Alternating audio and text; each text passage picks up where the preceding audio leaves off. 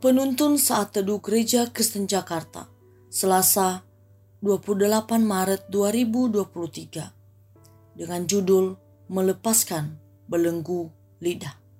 Yakobus 3 ayat 3 sampai 5. Kita mengenakan kekang pada mulut kuda sehingga ia menuruti kehendak kita.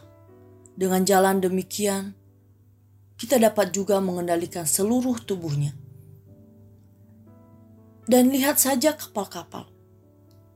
Walaupun amat besar dan digerakkan oleh angin keras, namun dapat juga dikendalikan oleh kemudi yang amat kecil menurut kehendak jurumudi.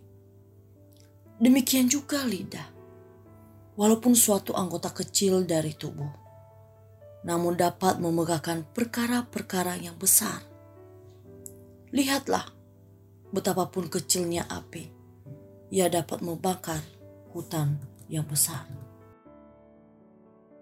Ada dua orang yang sedang berjalan dengan kuda mereka. Mereka berdua adalah sang ayah dan putranya. Karena sang ayah sangat mengasihi putranya, dia memutuskan untuk menaikkan putranya tersebut di atas kuda. Sementara dia berjalan menuntun kuda itu.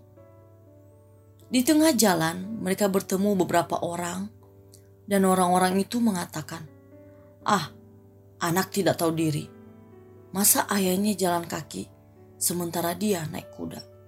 Mendengar perkataan itu, keduanya memutuskan untuk bertukar posisi. Sang ayah naik kuda, sementara sang anak menuntun. Tidak lama kemudian bertemu lagi beberapa orang yang mengatakan, "Ayah tidak punya perasaan." Masa dia naik kuda sementara anaknya dibiarkan jalan kaki? Mendengar perkataan itu, keduanya akhirnya memutuskan untuk menaiki kuda. Untuk menaiki kuda itu berdua. Tetapi selang beberapa saat mereka bertemu, orang lain dan orang-orang itu berkata, "Tiga banget kudanya dinaiki berdua sekaligus." Mendengar perkataan itu, mereka akhirnya memutuskan untuk turun dan menuntun kuda itu sambil berjalan kaki. Tidak lama kemudian mereka bertemu beberapa orang lagi dan orang-orang itu menertawakan mereka. Ini orang-orang punya kuda, tapi kudanya dituntun berjalan kaki.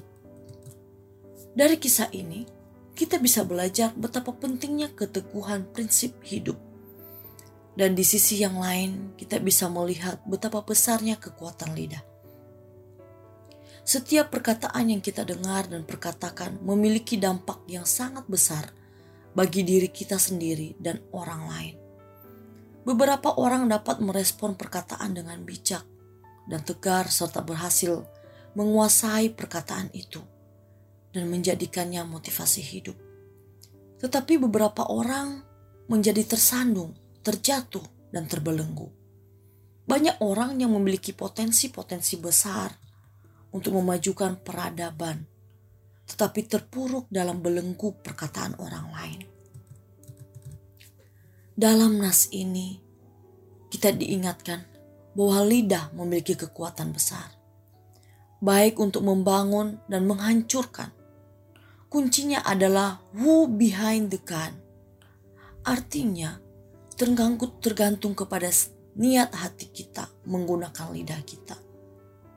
Sebagai wakil Allah di dalam dunia, kita memiliki peranan penting untuk memulihkan dunia dari belenggu lidah. Dengan memperkatakan kebenaran dan menguatkan orang lain dengan kata-kata yang dalam kebenaran dan membangun. Tidak ada perkataan yang lebih indah daripada perkataan yang mengandung nilai kebenaran. Selamat beraktivitas, Tuhan Yesus memberkati.